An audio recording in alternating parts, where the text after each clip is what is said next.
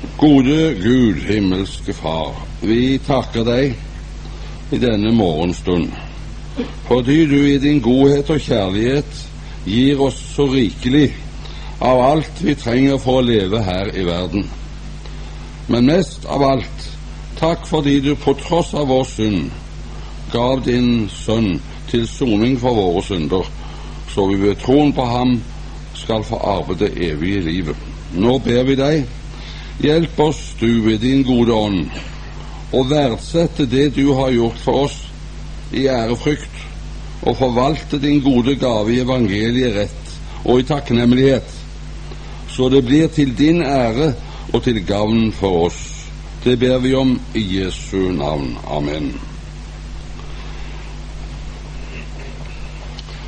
Tema, tema for uh, bibeltimen i går, i forgårs og i går, var evangeliet, Guds kraft til frelse, og oss som jordens salt. Og i dag handler det om forvaltningen av Guds gode gave. Og om det spørsmål taler Jesus, vet vi, i lignelsen om talentene, blant annet. Og Derfor skal vi lese sammen den teksten fra Matteus 25, vers 14, følgende. Det er nemlig her som med en mann der skulle reise utenlands og kalte sine tjenere til seg og betrodde dem sin formue. En ga han fem talenter, en annen to, en tredje én, hver efter hans evne. Så reiste han utenlands. Straks gikk han som hadde fått de fem talenter, hen og køpslo med dem og tjente fem til. På samme måte tjente han med de to talenter to til. Men han som hadde fått den ene, gikk bort og gravde et hull i jorden og gjemte sin herres penge. Lang tid etter kom disse tjeneres herre tilbake og gjør regnskapet opp med dem. Og han der hadde fått de fem talenter, kom hen og brakte ham fem talenter til og sa, Herre, fem talenter betrodde du meg, se, jeg har tjent fem talenter til.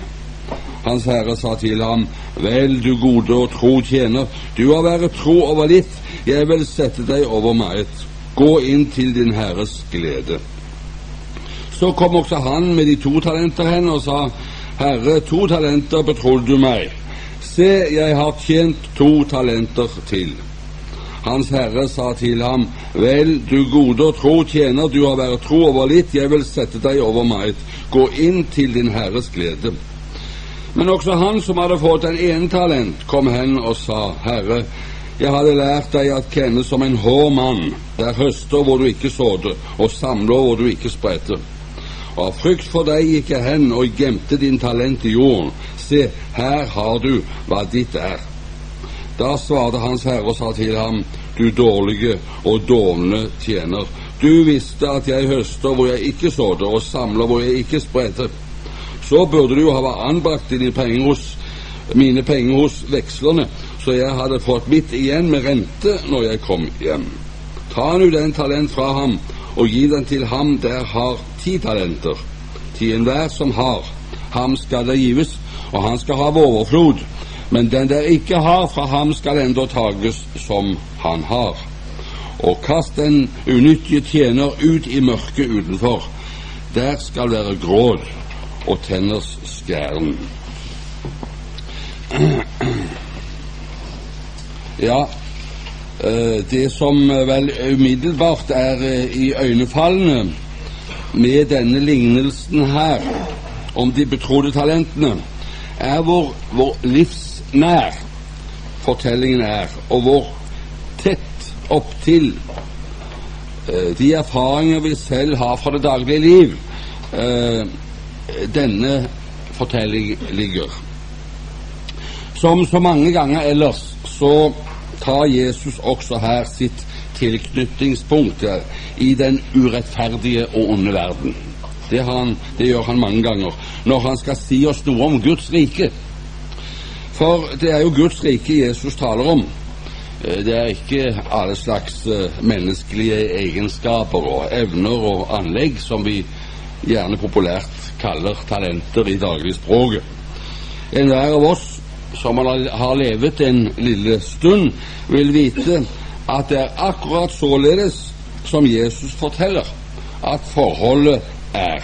Således menneskers mentalitet og forhold til penger, fortjeneste, utbytte, forretning var på Jesu tid.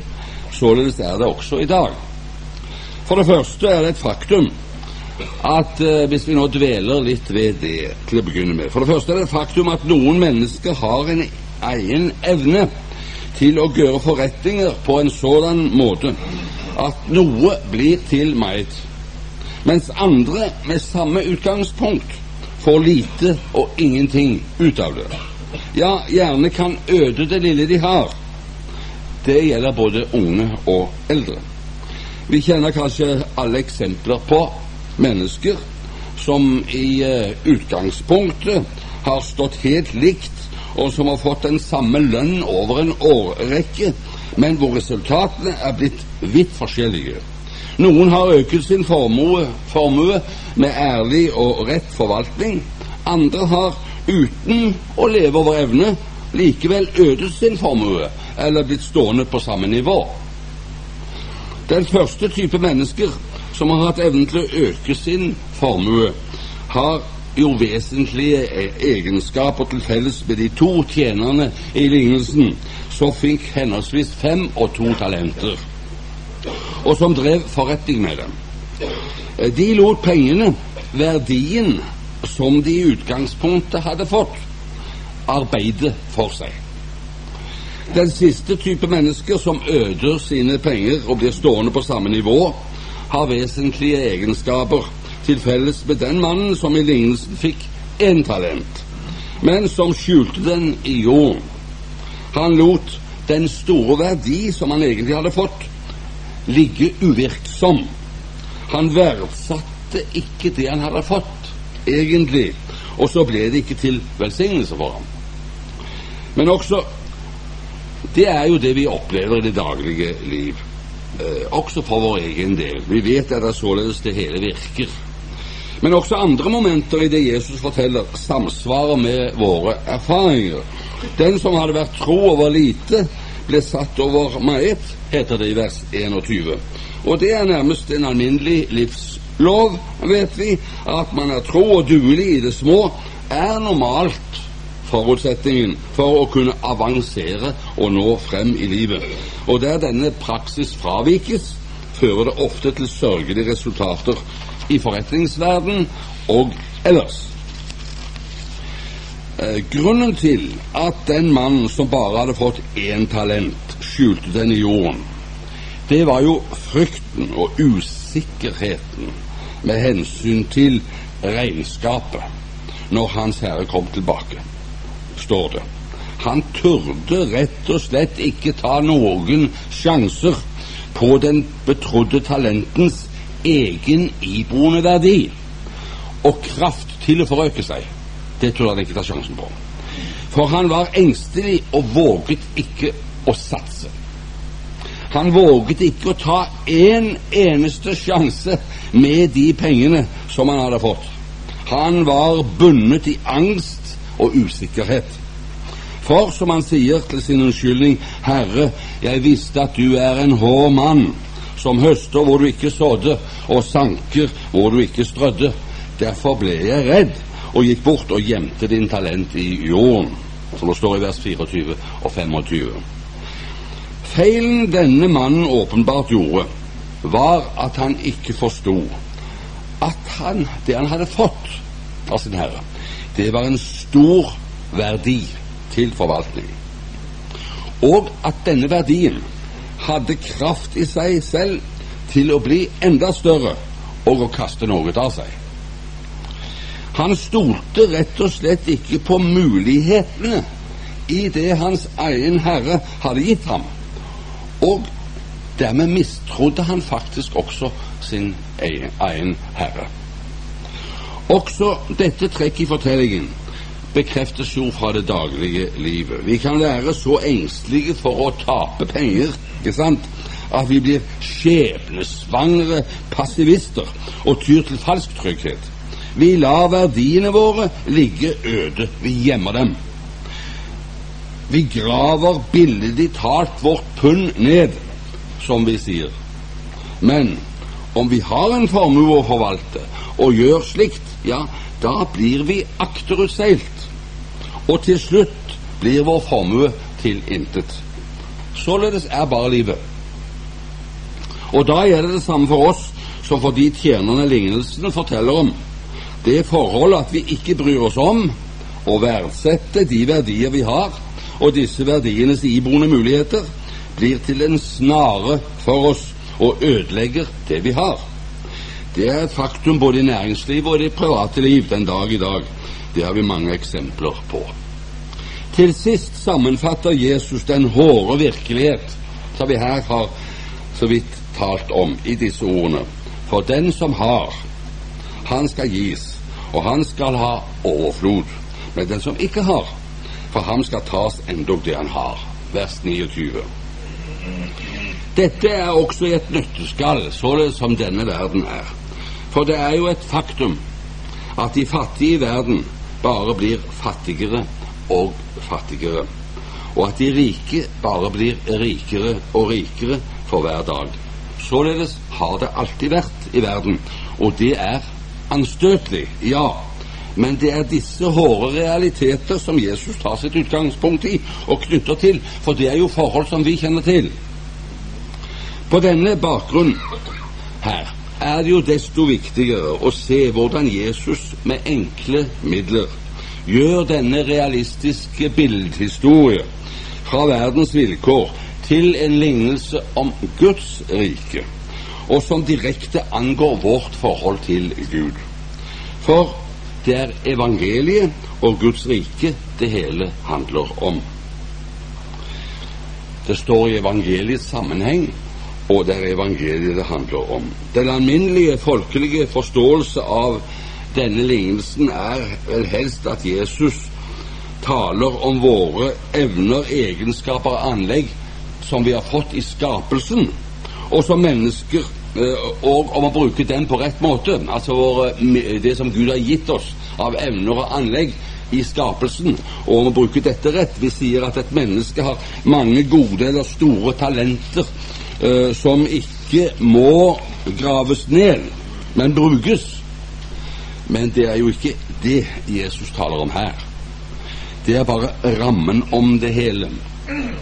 Om vi forstår lignelsen således, ja, da kan vi nok si noe forstandig om, men om menneskelige forhold generelt, men vi tømmer lignelsen for kristelig innhold og for den sammenheng den står i i evangeliet, som, som med mange andre av de bilder og lignelsesfortellinger som Jesus har gitt oss. Det Jesus taler om, er Guds gode gave i evangeliet. Han taler om gaven i sitt kors. Det er evangeliet som er talentene som er blitt oss betrodd. Lignelsen handler om deg og meg som de betrodde tjenere, og om hva vi gjør med det Gud har gitt oss av verdi da han sonet våre synder på korset. Vi har alle fått nådens gave i Jesus Kristus. I Bibelen kalles Jesus for nådegaven, understreket vi i går. Og denne nådens gave, den er gitt oss ufortjent. Her, i denne lignelsen, stiller spørsmålet, Jesus spørsmålet om hvordan vi forvalter denne nådens gave i livet vårt.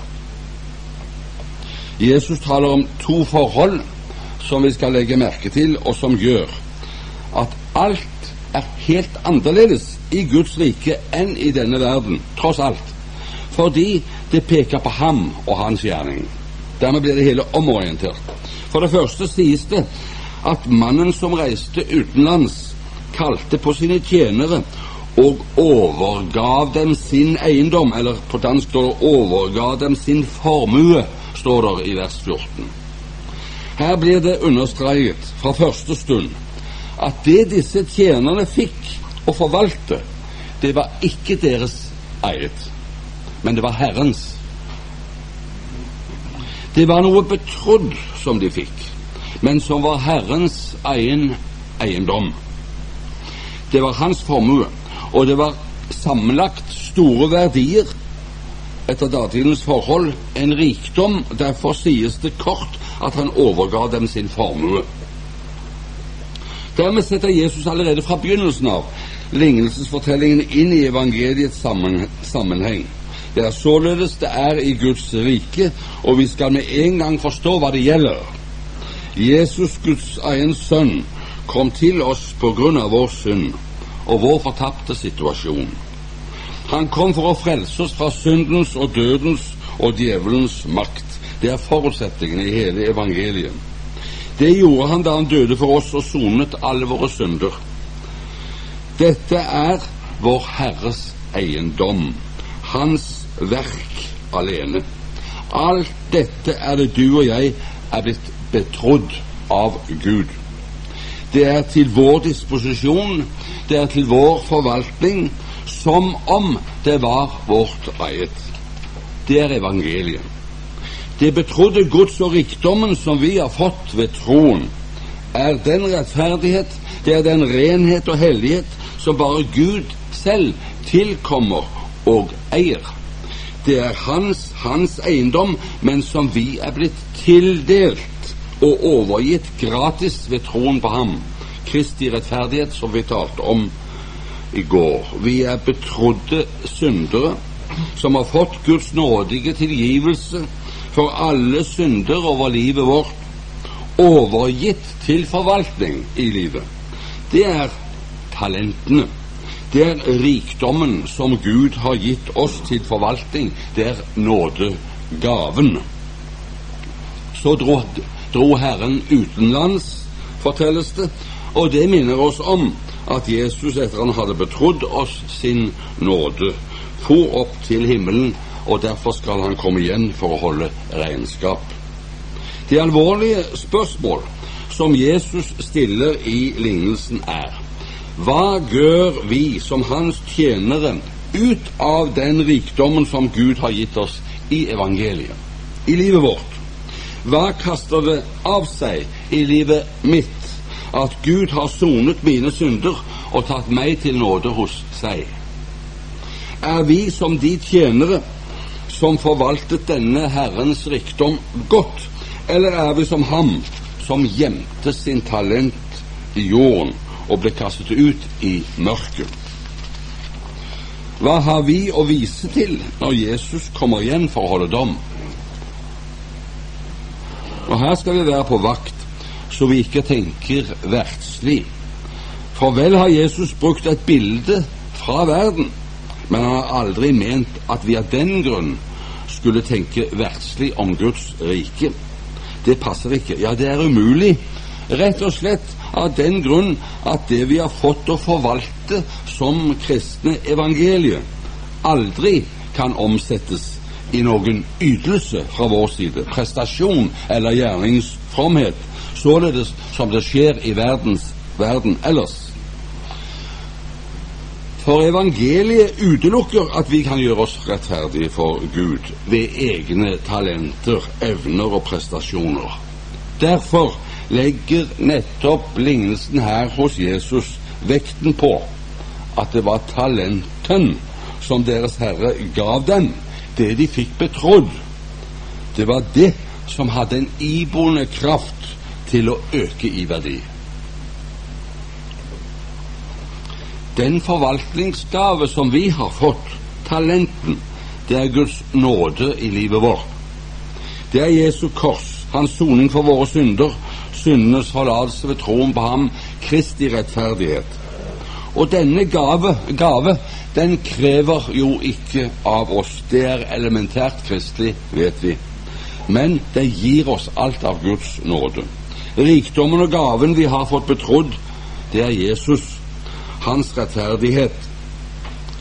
Gaven i evangeliet, således sett, det har en kraft i seg selv til å gi oss det Gud krever av oss, dersom vi bare akter på verdien og forvalter den således som den skal forvaltes i tro og tillit.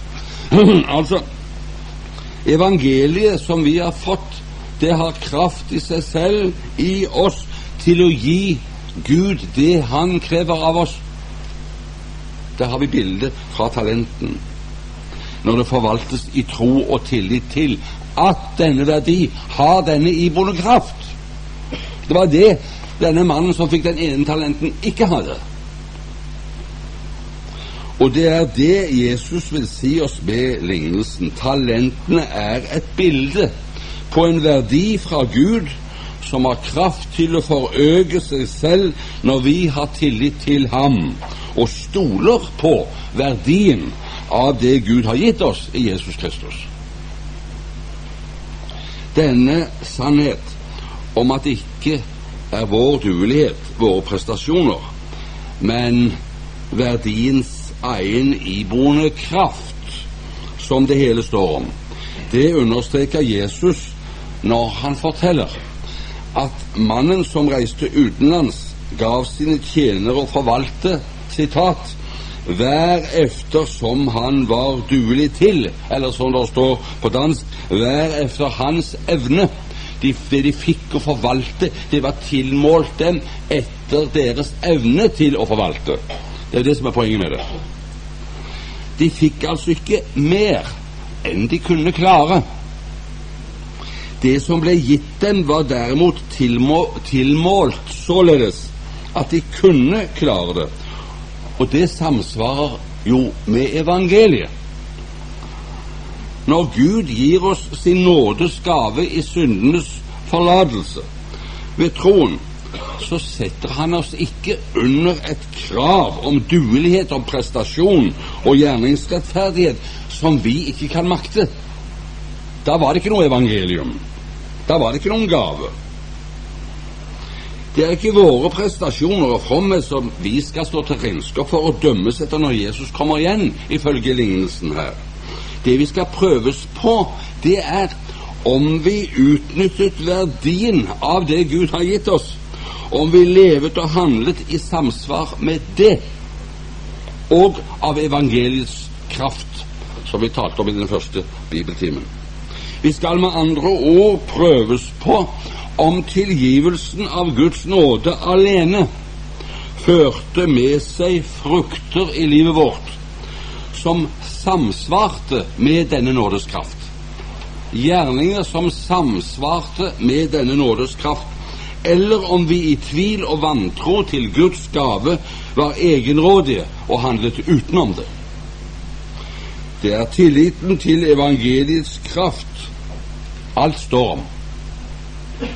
Om vi ikke har tillit til det Jesus har gitt oss å forvalte, så kan det aldri komme noe godt ut av livet vårt, kristelig talt. Rikdommen blir lagt øde. Apostelen Paulus sier det samme således.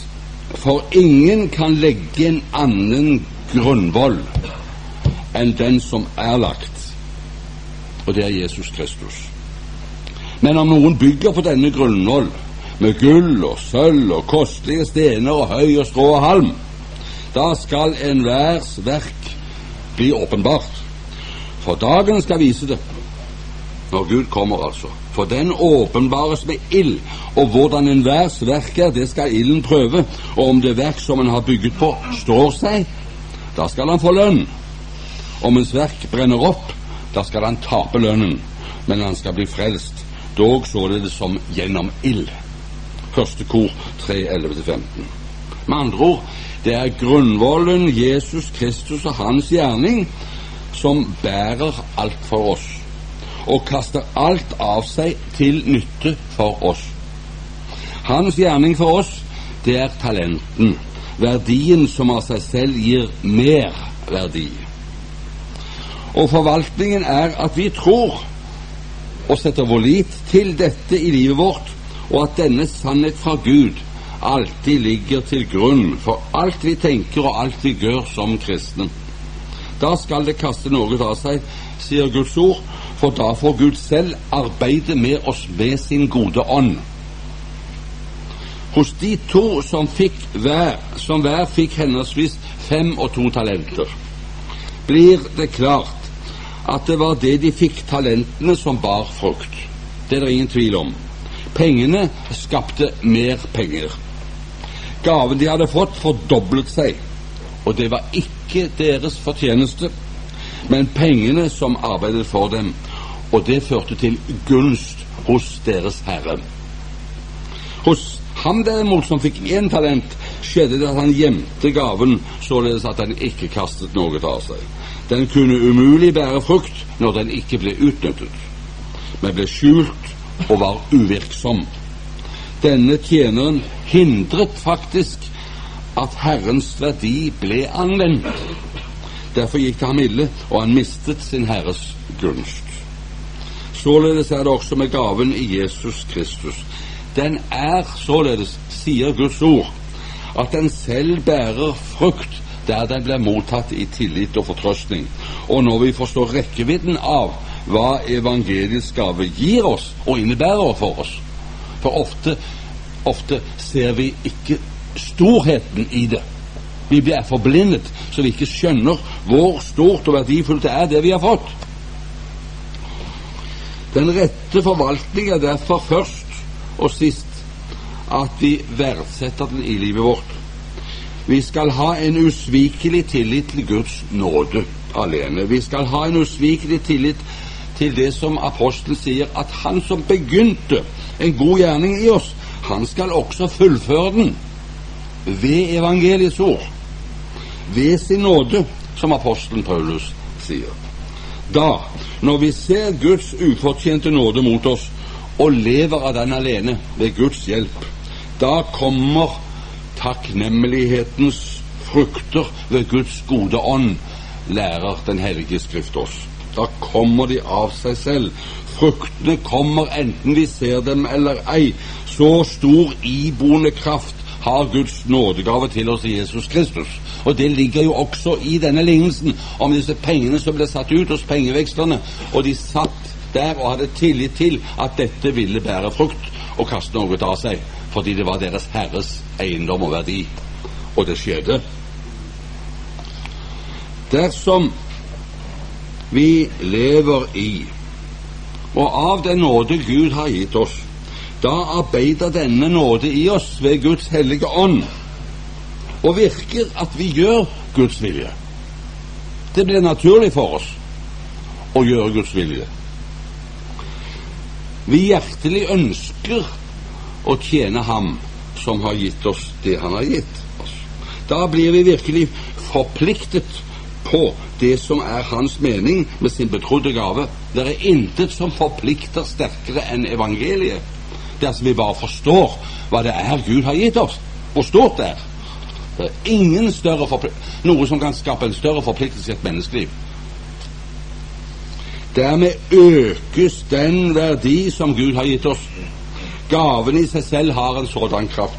Derfor sier altså Paulus, jeg er fullt viss på at han som begynte den gode gjerning i dere, han skal fullføre den inntil Jesu Kristi dag. Daglig gjør han denne fullførelse i oss inntil Kristus kommer igjen. Filipperne 1,6. For, som han sier, det er Gud selv som i oss både virker det å ville og å gjøre til hans velbehag. Filipperne 2,13. Der sier jo Apostelen Paulus akkurat det samme som Jesus sier i sin lignelse. Således er det med evangeliet når det mottas i tro og tillit. Det bærer god frukt. Det bærer frukt i god gjerning etter Herrens vilje. Og her er mannen med den ene talenten en advarsel for oss. Han tok ikke på alvor det han var betrodd. Dermed tok han egentlig ikke heller sin herre på alvor. Det var på liksom. Han hadde en slags respekt for sin herre, men det var ikke tillit. Se om ikke vi også gjerne har dette en slags respekt for Gud, men har vi tillit? Det er noe annet. Har vi tillit til det Han har gitt oss? Og har vi ikke tillit til det 100% da har vi heller ikke tillit til Ham som har gitt oss det. Dermed tok han ikke sin herre på alvor, denne mannen. Han forsto ikke sin herres vilje og mening med å betro ham talenten. Dypest sett hadde han ikke tillit til sin herre, og derfor grov han talenten ned. Det er farlig å ikke verdsette Guds gave. Det er farlig å ikke ha tillit til Guds nåde. Det er farlig å mistro evangeliets kraft. Derfor ligger det også en formaning i denne lignelsen til oss. Gud lar seg ikke spotte. Da gripes vi av angst og frykt, nettopp således som denne mannen. Har vi ikke tillit til evangeliet, så står angsten og frykten på lur, og djevelen bruker den. Og det går oss ille. Da blir vi sådanne som er sløve, religiøse, og som hører og hører, men ikke forstår det vi hører. Vi ikke ser, vi ser og ser, men som Jesus sier, men vi skjelner ikke mellom det som er godt og dårlig. Og han får ikke lege oss. Så blir vi hyklere og farisere i all vår falske fromhet, og så står vi for fall. Vi blir ikke stående den dag da Jesus kommer igjen for å holde dom. Ja, allerede her i livet er vi forkastet som dårlige, unyttige og late tjenere. Således er det i Guds rike. Ingen av oss skal noensinne på dommens dag kunne si at vi ikke hadde noe å forvalte for Gud. At Han hadde ikke gitt meg noe som jeg kunne forvalte. Heller ikke skal noen av oss kunne si at vi ikke hadde evner til det. Ingen av oss kunne, skal kunne si det, for Jesus har sagt det motsatte. Han har sagt at enhver av oss har fått Guds gave i Jesus Kristus. Vi har fått evangeliets gave ved troen. Og evangeliet krever ikke noe av oss som vi ikke kan klare. Derfor er vi alle i den samme stilling. For Guds nåde gir, den krever ikke. Det er det livet vårt skal prøves på når Jesus kommer. Og i dag, det er og vi bygget på den betrodde gave fra Gud, og på om Herrens egen eiendom derved fikk øke i verdi til Hans ære og til Hans opphøyelse. Da skjønner vi også bedre det dype alvor når Jesus sier at hver den som har, han skal gis. Og han skal ha overflod. Andre ord, evangeliet det bringer mer og gir oss mer og mer etter hvert som vi lever i det. Men den som ikke har, for han skal endog tas det han har. Den som tar imot evangeliet og bygger sitt liv på syndenes forlatelse og Guds nådes gave alene, han skal få Guds rike i eie. Han har det allerede her. For det opphøyer Jesus Kristus og er til hans ære alene, ikke til vår ære. For den betrodde rikdom, det er hans eiendom. Den som tar imot evangeliet og verdsetter det han har fått til forvaltning, øker Herrens eiendom og rikdom. Således er det i Guds rike. Og det kaster en evig verdi av seg, både for oss selv og for andre mennesker. For det skal bli stående på dommens dag og føre til evig liv for dem som gav Gud æren alene. Den derimot som graver sin, denne nåde ned og skjuler verdien på en eller annen måte. Lar den ligge uten å gjøre, den, gjøre seg bruk av den i livet. Han skal til sist bli fratatt alt. Det er alvoret. For han hadde ikke tillit til det Gud betrodde ham, og vanæret ham som gav seg selv for oss for å frelse oss. Det er Guds ord til oss. Gud hjelper enhver av oss til å motta Guds nådes gave i tro og tillit, og å leve av den så vi kan bære frukter for Gud, som er omvendelsen til evangeliet verdig, som Skriften sier. Amen. Hellige Gud, hellige oss i sannheten. Ditt ord er sannhet. Amen.